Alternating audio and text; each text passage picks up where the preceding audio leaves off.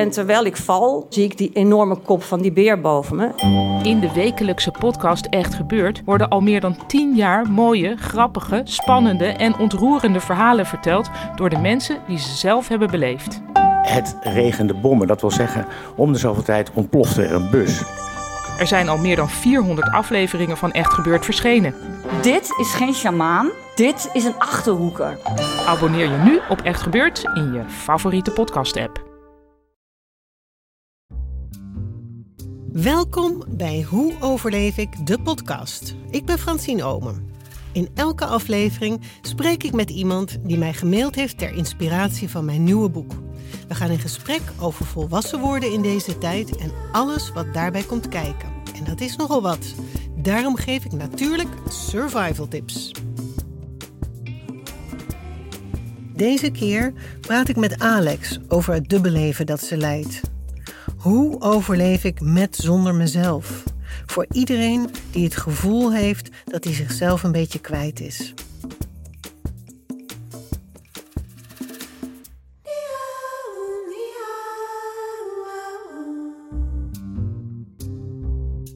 Lieve tante Francine, via deze weg wil ik me graag aanmelden voor een interview met je, maar ook mijn dankbaarheid naar je uitspreken. Je voelt voor mij als een moeder die jongeren zoals ik wel accepteert. Het was voor mij geweldig om de boeken te lezen en zelfs ook om de film te zien waarin ik alternatieve mensen zag zoals ik. Mijn naam is Alex, ik ben een Chinese vrouw van 24 jaar oud en studeer aardwetenschappen in Amsterdam.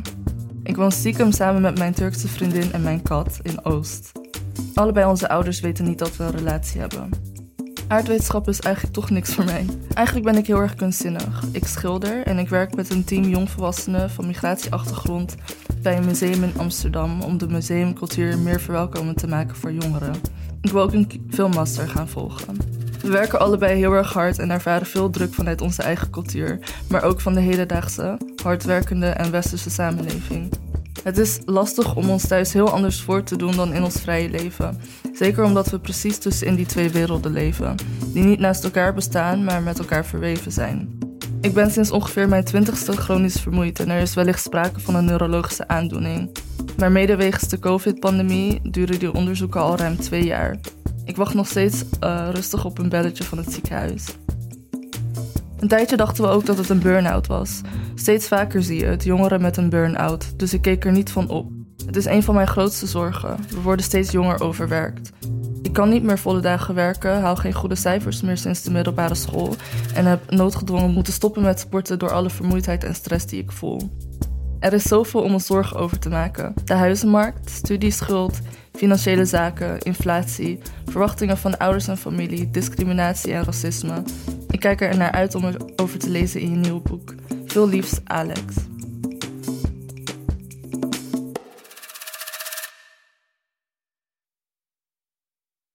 De mail van Alex was een van de eerste mails die ik las.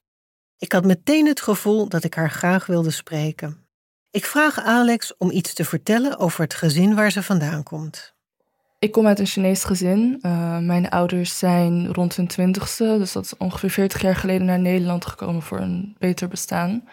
Uh, en sinds dag één hebben ze keihard gewerkt. Eigenlijk zijn ze vrij snel een gezin gestart. Mijn zus is uh, ongeveer acht jaar ouder dan ik. Daarna kwam ik, daarna kwam mijn broertje. En voor mijn moeder was dat alle drie de keren een super zware zwangerschap. Mhm. En daartussendoor was het keihard werken. Want ze werkten allebei? Ja, ze werkten allebei. Mijn ouders hebben uh, op een gegeven moment zijn ze een restaurant gestart. Inmiddels zitten ze op een tweede restaurant. En uh, daardoor was er in onze jeugd niet heel veel tijd voor ons. Want als je thuis kwam van school? Dan uh, waren mijn ouders aan het werk. Ja, dus ja. Je, jullie zorgden een beetje voor jezelf. En jullie moesten, kregen waarschijnlijk al best veel verantwoordelijkheden, jong. Ja, uh, we zorgden voor onszelf, we zorgden voor elkaar. Um, en we reageerden er alle, allemaal heel anders op. Dus ik was heel erg het uh, emotionele kind. Ik wilde heel veel aandacht. Ik wilde heel veel. Ik wilde gezien worden door mijn ouders. Mm -hmm. uh, mijn je had ze nodig. Ja, ik had ze nodig. En mijn zus en mijn broer die lieten dat wat minder merken.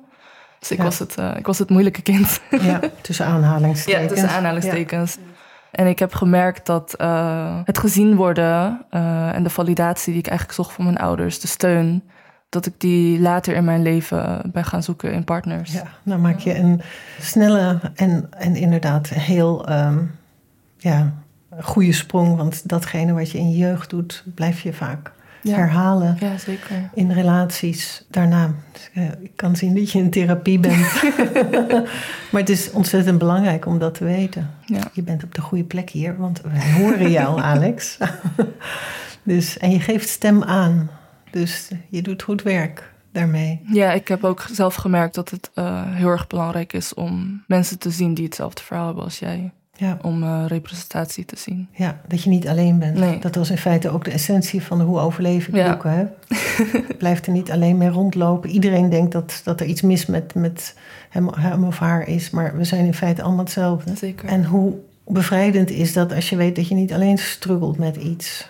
Als je elkaar kunt steunen. Het is ook gewoon belangrijk om eh, ja, die zogeheten rolmodellen te hebben. Niet dat ik mezelf zie als een rolmodel, maar Ja, maar hoe fijn is dat als die er zijn? ja, Ja, heel belangrijk. ja. Dus je ouders werkten in het restaurant. Jullie redden je thuis. En eh, hoe was de dynamiek tussen de kinderen? Speelde die vader-moedertje in het gezin? Of Nou ging ja. gewoon zijn eigen gang?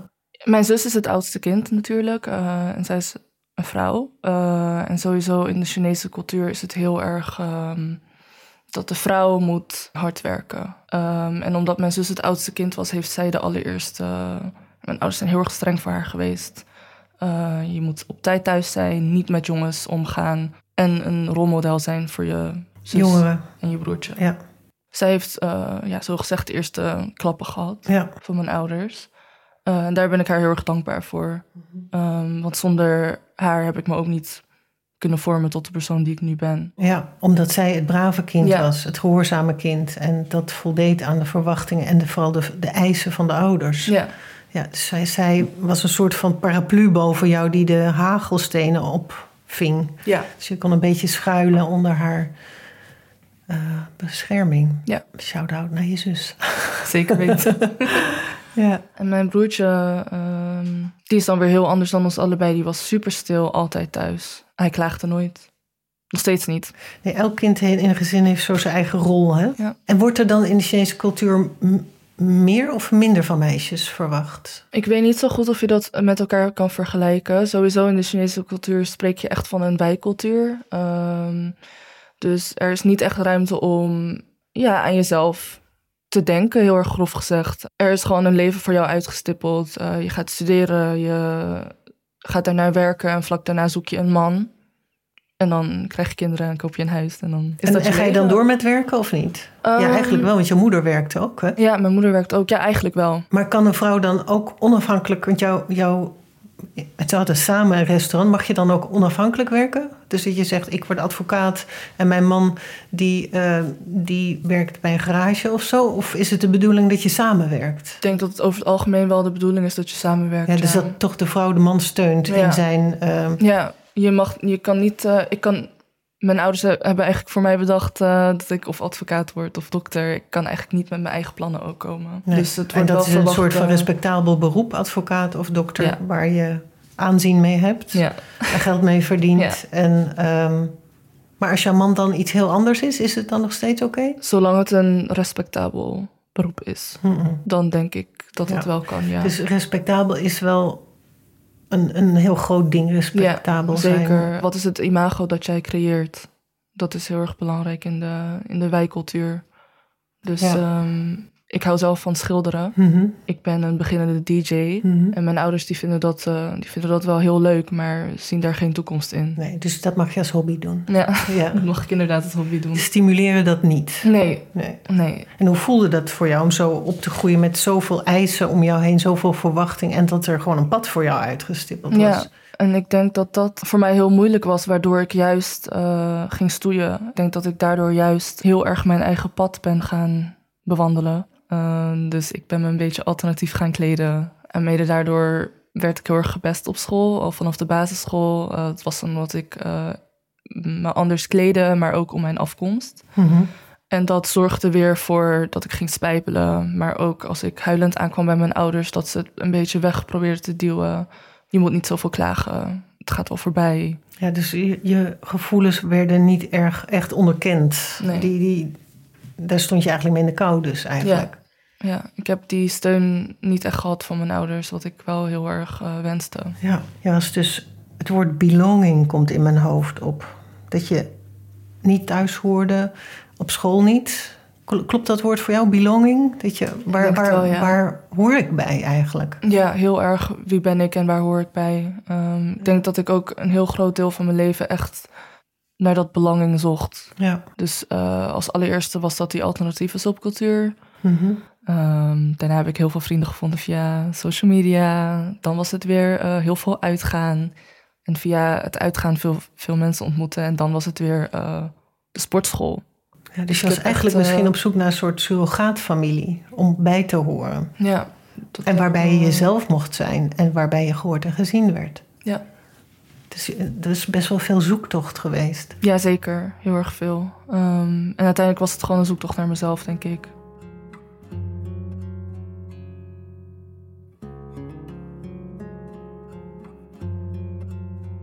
Belonging, dat is essentieel voor alle mensen. Erbij horen, welkom zijn, gerespecteerd worden, gewaardeerd worden, gezien en gehoord worden en natuurlijk bemind worden. Het zijn in wezen allemaal vormen van veiligheid. De mens is van nature een kuddedier. We zorgen voor elkaar, we beschermen elkaar. Maar erbij horen, dat heeft een prijs. Groepsdruk. Jullie herinneren je misschien Esther nog wel in Hoe overleef ik de brugklas? Zij was anders. Ze kleedde zich anders, ze had een andere mening en hield van andere dingen. Gevolg, ze werd gepest, uit de groep gestoten. En dat maakte haar heel ongelukkig.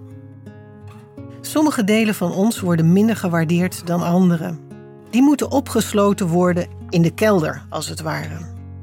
In de cultuur en het gezin van Alex en op een heleboel plekken op de wereld is bijvoorbeeld heteroseksualiteit en monogamie de norm. En alles wat daarvan afwijkt, moet wijken. Op die manier kun je essentiële delen van jezelf kwijtraken en op een gegeven moment gaat dat wringen. Soms heb je zoveel van jezelf onderdrukt dat je niet eens meer precies weet wie je bent, wat je wil en wat je nodig hebt. Je hebt je te veel aangepast. Je bent jezelf kwijt. Het kan zijn dat je daardoor een leeg, hol en onbevredigd gevoel hebt. Je mist iets, maar je weet niet goed wat. En je probeert dat knagende gevoel misschien te verdoven met dingen kopen bijvoorbeeld. Of heel hard werken, veel geld verdienen, status verkrijgen. Of misschien door de ene naar de andere relatie te hebben waarin je steeds niet vindt wat je nodig hebt. Misschien verdoof je het gevoel met drugs en of drank of wat dan ook. Survival tips om jezelf terug te vinden en niet meer kwijt te raken. Ga op zoek. Stel jezelf vragen, interview jezelf. En het werkt het beste als je de vragen en de antwoorden opschrijft. Dat kun je in je dagboek doen of in je journal. Je kan het ook samen doen met een goede vriend of vriendin. En zelfs met je ouders. Hier komen wat voorbeeldvragen. En je hoeft de podcast niet stil te zetten als je de vragen op wil schrijven, maar je kunt ze nalezen via de link in de show notes. 1. Onderzoek welke dingen van jou je wel en niet aan de buitenwereld laat zien. Wie zit er in jouw kelder opgesloten? Voor welk deel van jezelf schaam je jezelf misschien wel? 2. Wat deed je als kind heel graag wat je nu niet meer doet? Waarom niet? 3. Wat doe je niet wat je wel wil doen? En wat doe je wel wat je eigenlijk niet wil doen? 4. Als je twijfelt over iets, vraag jezelf dan af: word ik hier blij van? Of maak ik iemand anders hier blij mee? Als het allebei is, is dat natuurlijk mooi. 5. Wat is belangrijker? Dat je trots bent op jezelf of dat anderen trots op jou zijn? Als het allebei is, alweer helemaal fantastisch. Vraag 6. Kies je voor veiligheid of voor verlangen? 7. Doe je dit omdat je het echt wil of omdat je bang bent voor de consequenties als je het niet zou doen? 8. Moet je dit echt of denk je alleen maar dat het moet?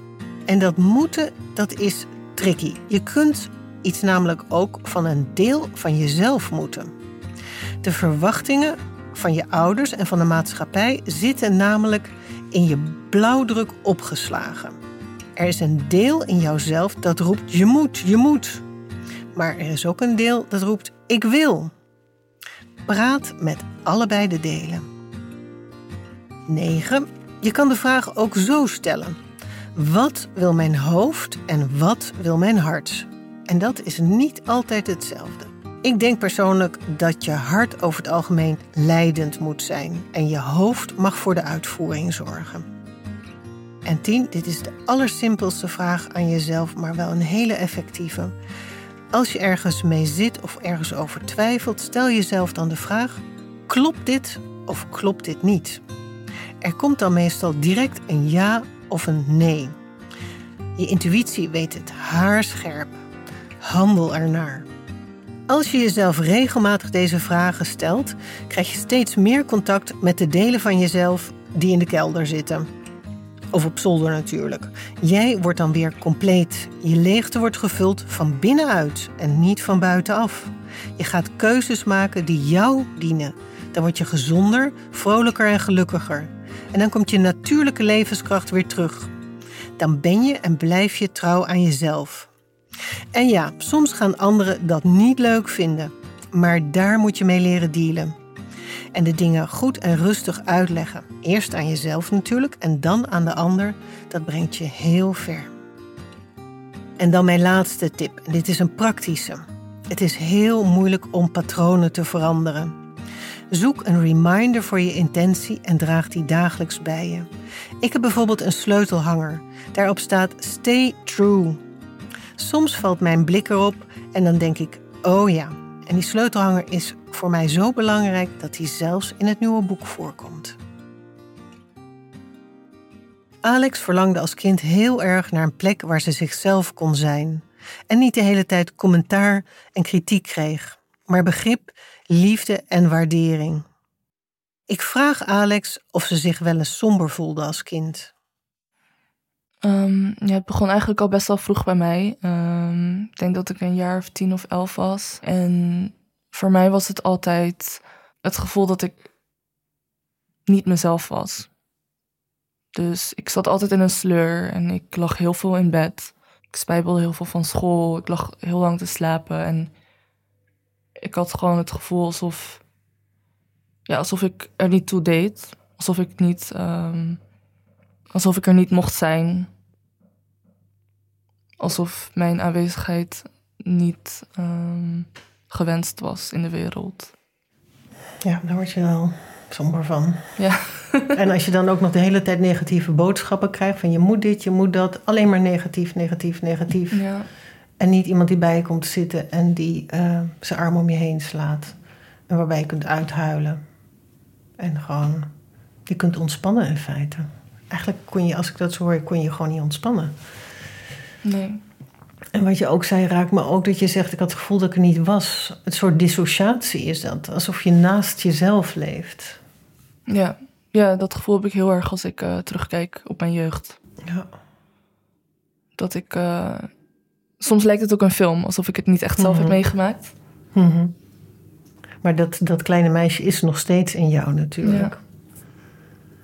Ja, ja al die opgesloten kinddelen die eenzaam zijn en bang en verward en allemaal misconcepties hebben eigenlijk, verkeerde zelfovertuigingen hebben gemaakt.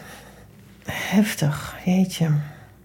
En hoe reageerden je ouders dan dat je als, als je zo jong al in je bed lag en, en somber was en verdrietig was?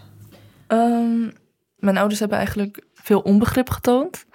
Uh, omdat in de wijkcultuur bestaat mental illness niet. Nee? Nee. In de Chinese cultuur bestaat mental illness niet? Nee, en als het bestaat, dan wordt er niet over gesproken. Mm -hmm. Je moet een imago hoog houden. Je moet, ja, uh, je, moet je er doorheen slaan. Uh, en niet klagen, gewoon werken.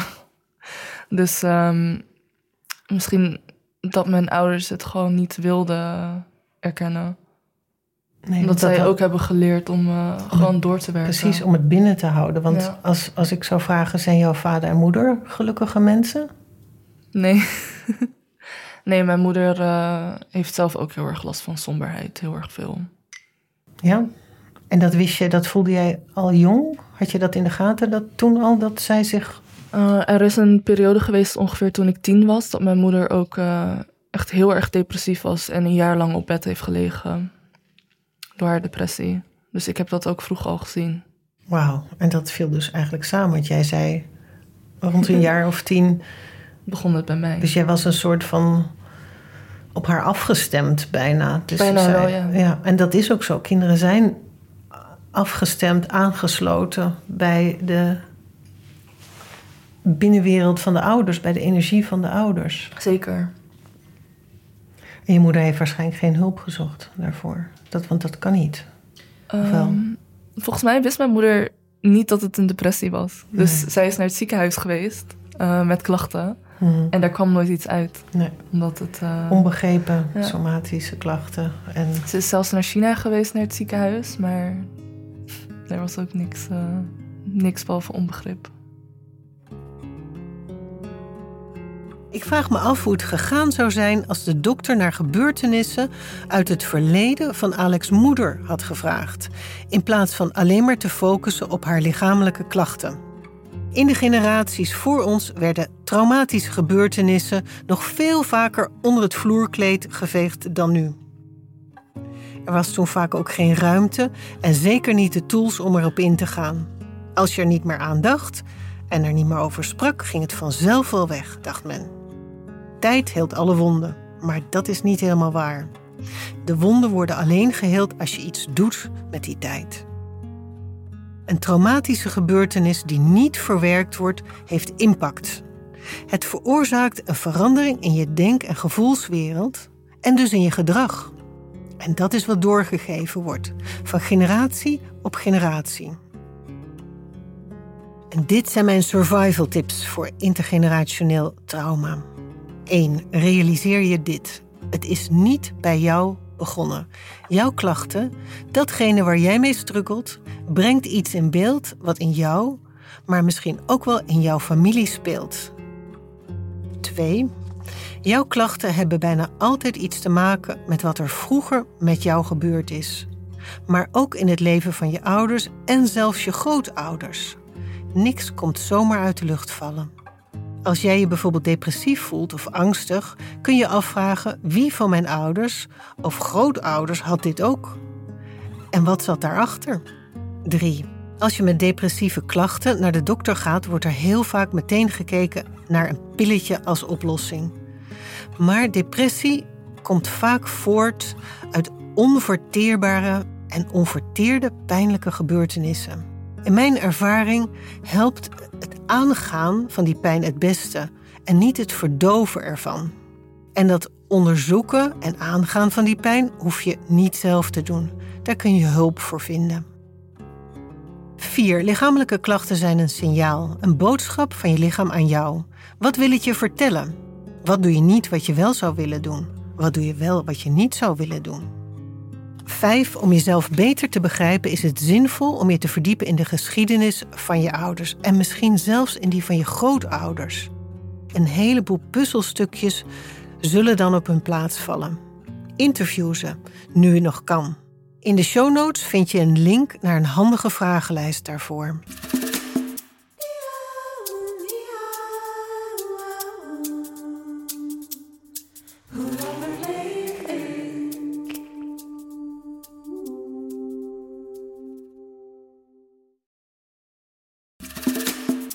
Terug naar Alex, de rebel.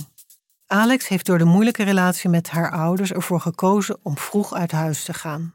Ze ging op zoek naar een plek waar ze zich veiliger en gelukkiger voelde en waar ze meer zichzelf kon zijn.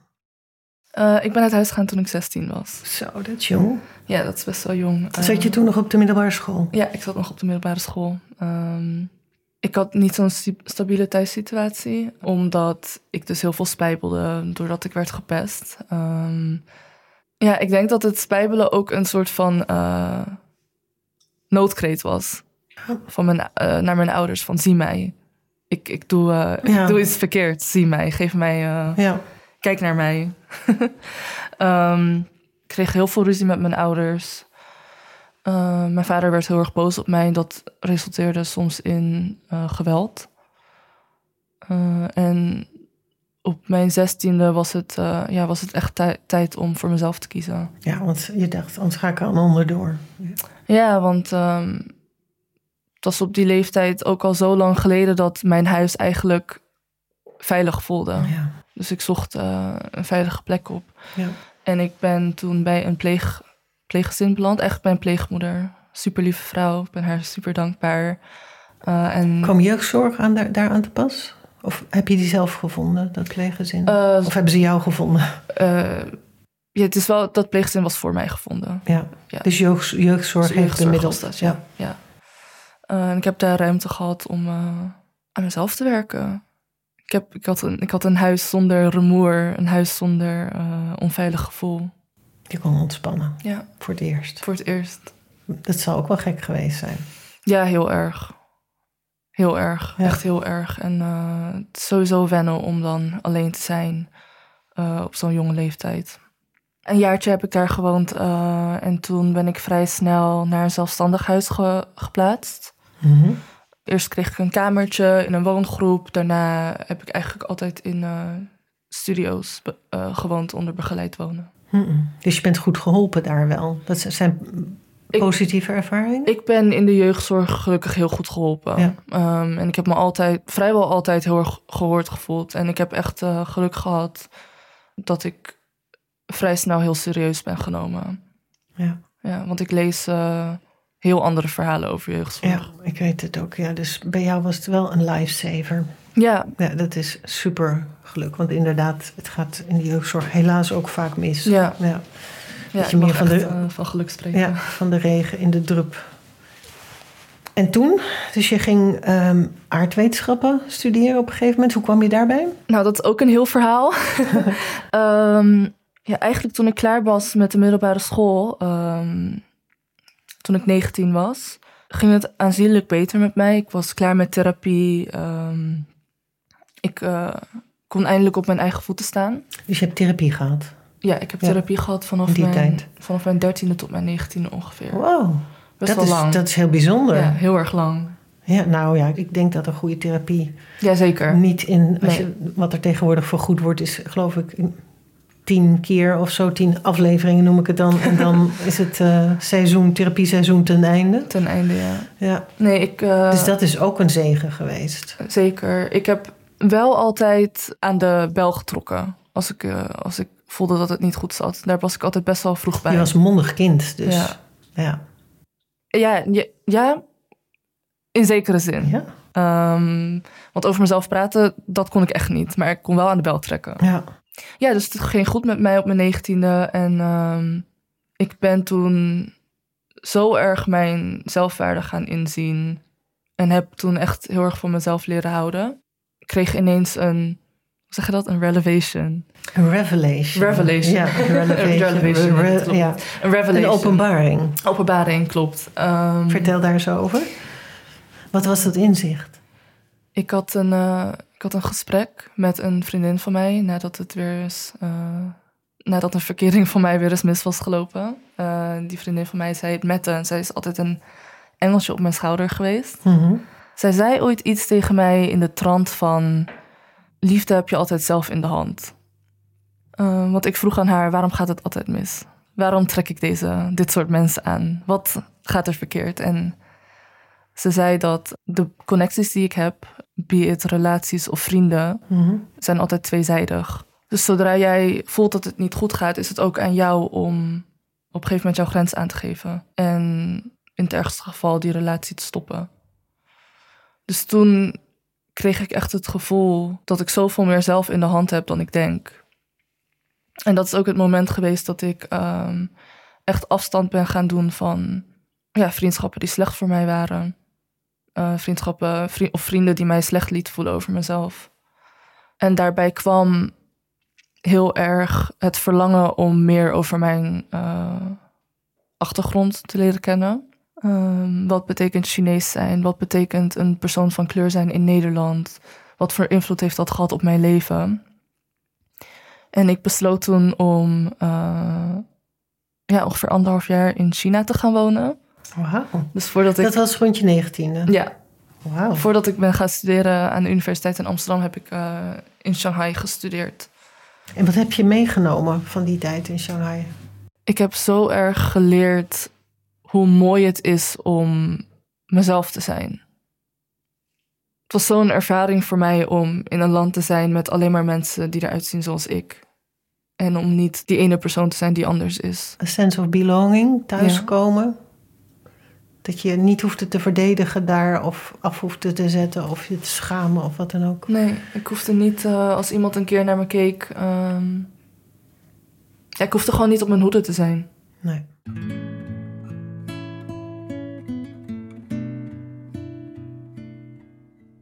Hoe lang weet je al dat je op vrouwen valt of op mannen en, of, en op vrouwen valt? Of, of... Ik dacht altijd dat ik op mannen en vrouwen viel. Mhm. Uh, de eerste keer dat ik bij iemand uit de kast kwam was ik uh, tien jaar. Mhm. Tien is echt een uh, belangrijke leeftijd voor mij. Tien Dus en twintig. Tien en twintig, ja. Ja. ja. ik kwam toen uit de kast als bi. En dat heb ik heel erg lang gedacht. Ehm, maar ik ben er sinds een paar jaar achter gekomen dat ik toch echt alleen op vrouwen val.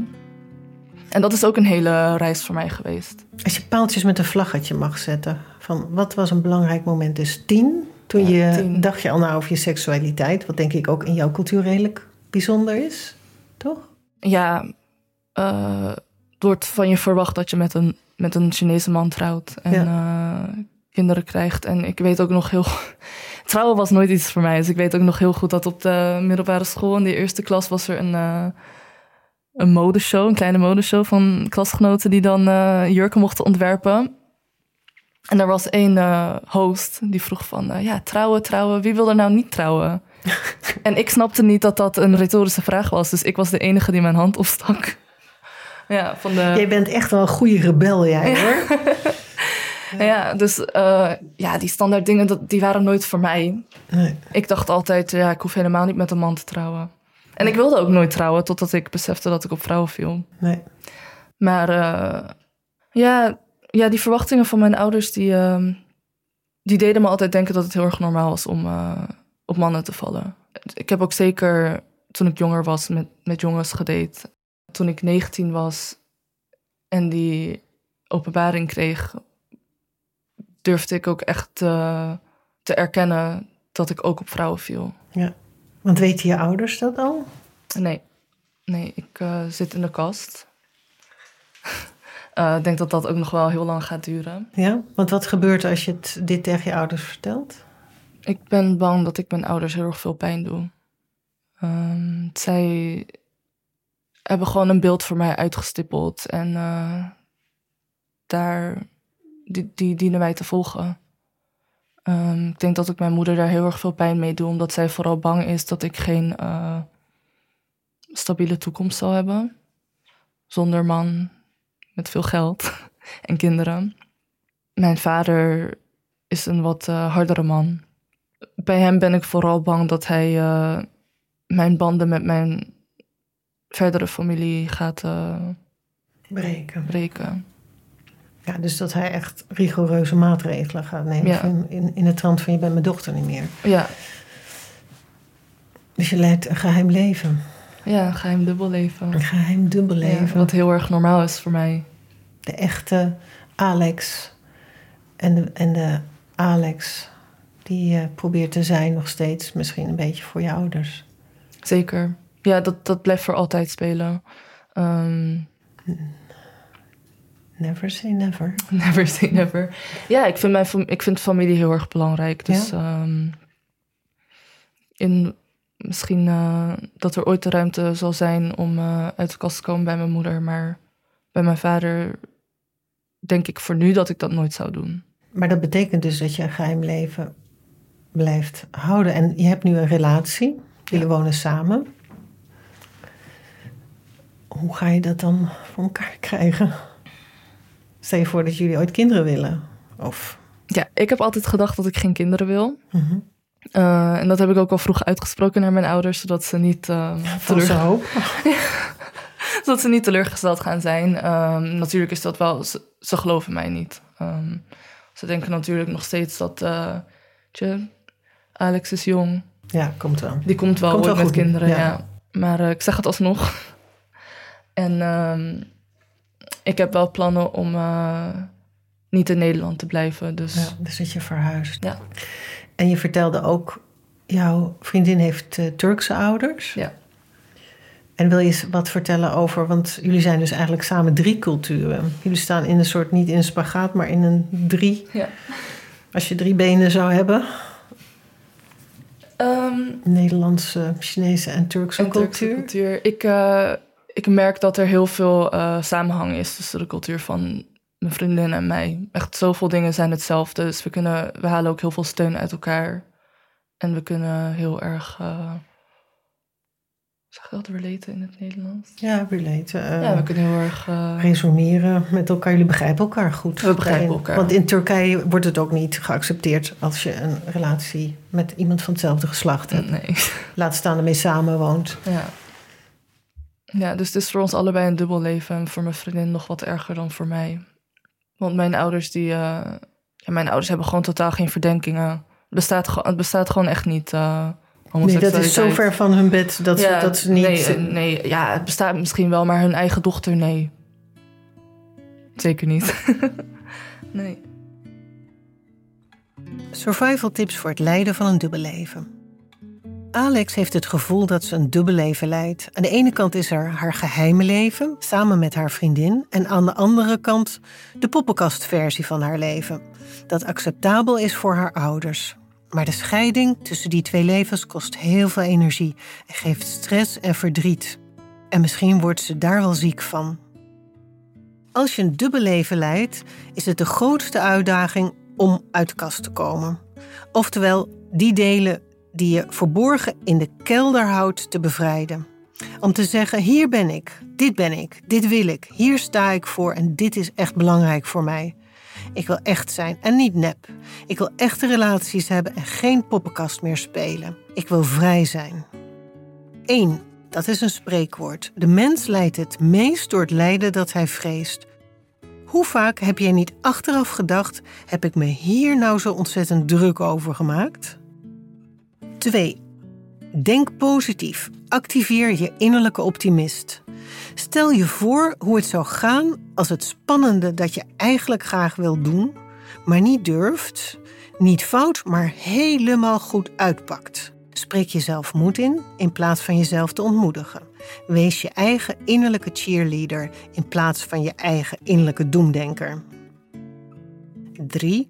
Als je vanuit die plek, vanuit die energie handelt, gebeurt er iets heel anders dan dat je handelt met in je achterhoofd het idee: dit loopt zeker mis. Want in die positieve energie sta je in je kracht. En dat voelen de mensen. 4. Soms is conflict nodig. Het lost stagnatie op. Het maakt dingen helder. Het zorgt ervoor dat de boel weer door kan stromen. En hier kan ik nog een spreekwoord tegen aangooien. Soms moet je even door de zure appel heen bijten. 5. En dit is mijn lees- en kijktip. Alles van Marshall Rosenberg over geweldloze communicatie. Hij leert je hoe je moeilijke gesprekken tot een goed einde kunt brengen. Ik heb al jong iets met mezelf afgesproken. Ik wil op mijn sterfbed geen spijt hebben van dingen die ik niet gedaan en gedurfd heb. Ik wil dan niet denken: shit, en nu is het te laat. Game over. Jammer dan, Francine.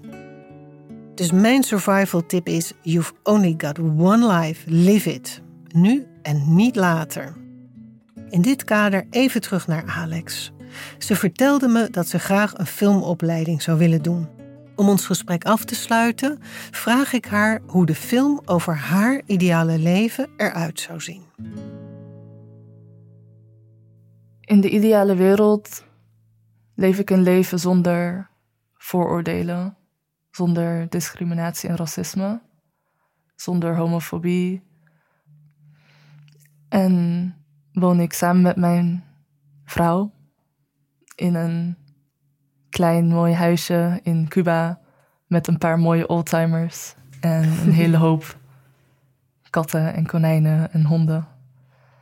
En het liefst zou ik trouwen met al onze families erbij en onze, ja, onze kringen. Ja, dus nou zie ik een soort van, in, in mijn mind's eye zie ik Cuba als, als achtergrond. Dus dat is de locatie. Elke film en scène heeft een locatie. Jullie hebben daar een hartstikke leuk huisje. En het is jullie trouwerij. Ja. Toch. Ons, eh, Toch, ja, toch. toch wel. Toch wel, ook al op school eh, wilde je niet, dacht je nou, dat is echt niet voor mij, maar jullie gaan trouwen. Jullie komen aangereden in een hartstikke mooie, waarschijnlijk roze oldtimer. een heleboel roze en witte ballonnen achter. En jullie hele familie is daar. Ja. Die van haar, die van jou. En die twee culturen gaan ontzettend partyen samen. ja, sowieso. Ja, Jouw- strenge eh, vader wordt heel erg dronken en belandt ergens in de bosjes met een, een, een tante van jouw vriendin. En, Ja, en er is Chinese en Turkse en natuurlijk Cubaanse muziek. En super lekker eten. heel veel sigaren. en eh, iedereen draagt een bak. Iedereen, ik zie jullie ook allebei. Een heel stoer, stoer powersuit. En met een dikke sigaar. jullie armen om elkaar heen. Stralend en bloedmooi allebei. En dan is deze film, die geeft dan zoveel energie voor iedereen die nog in de kast zit. Uit al die culturen waarin mensen niet mogen zijn wie ze zijn. Waar die allemaal in de pressure cooker zitten opgesloten. Keep this in mind, girl.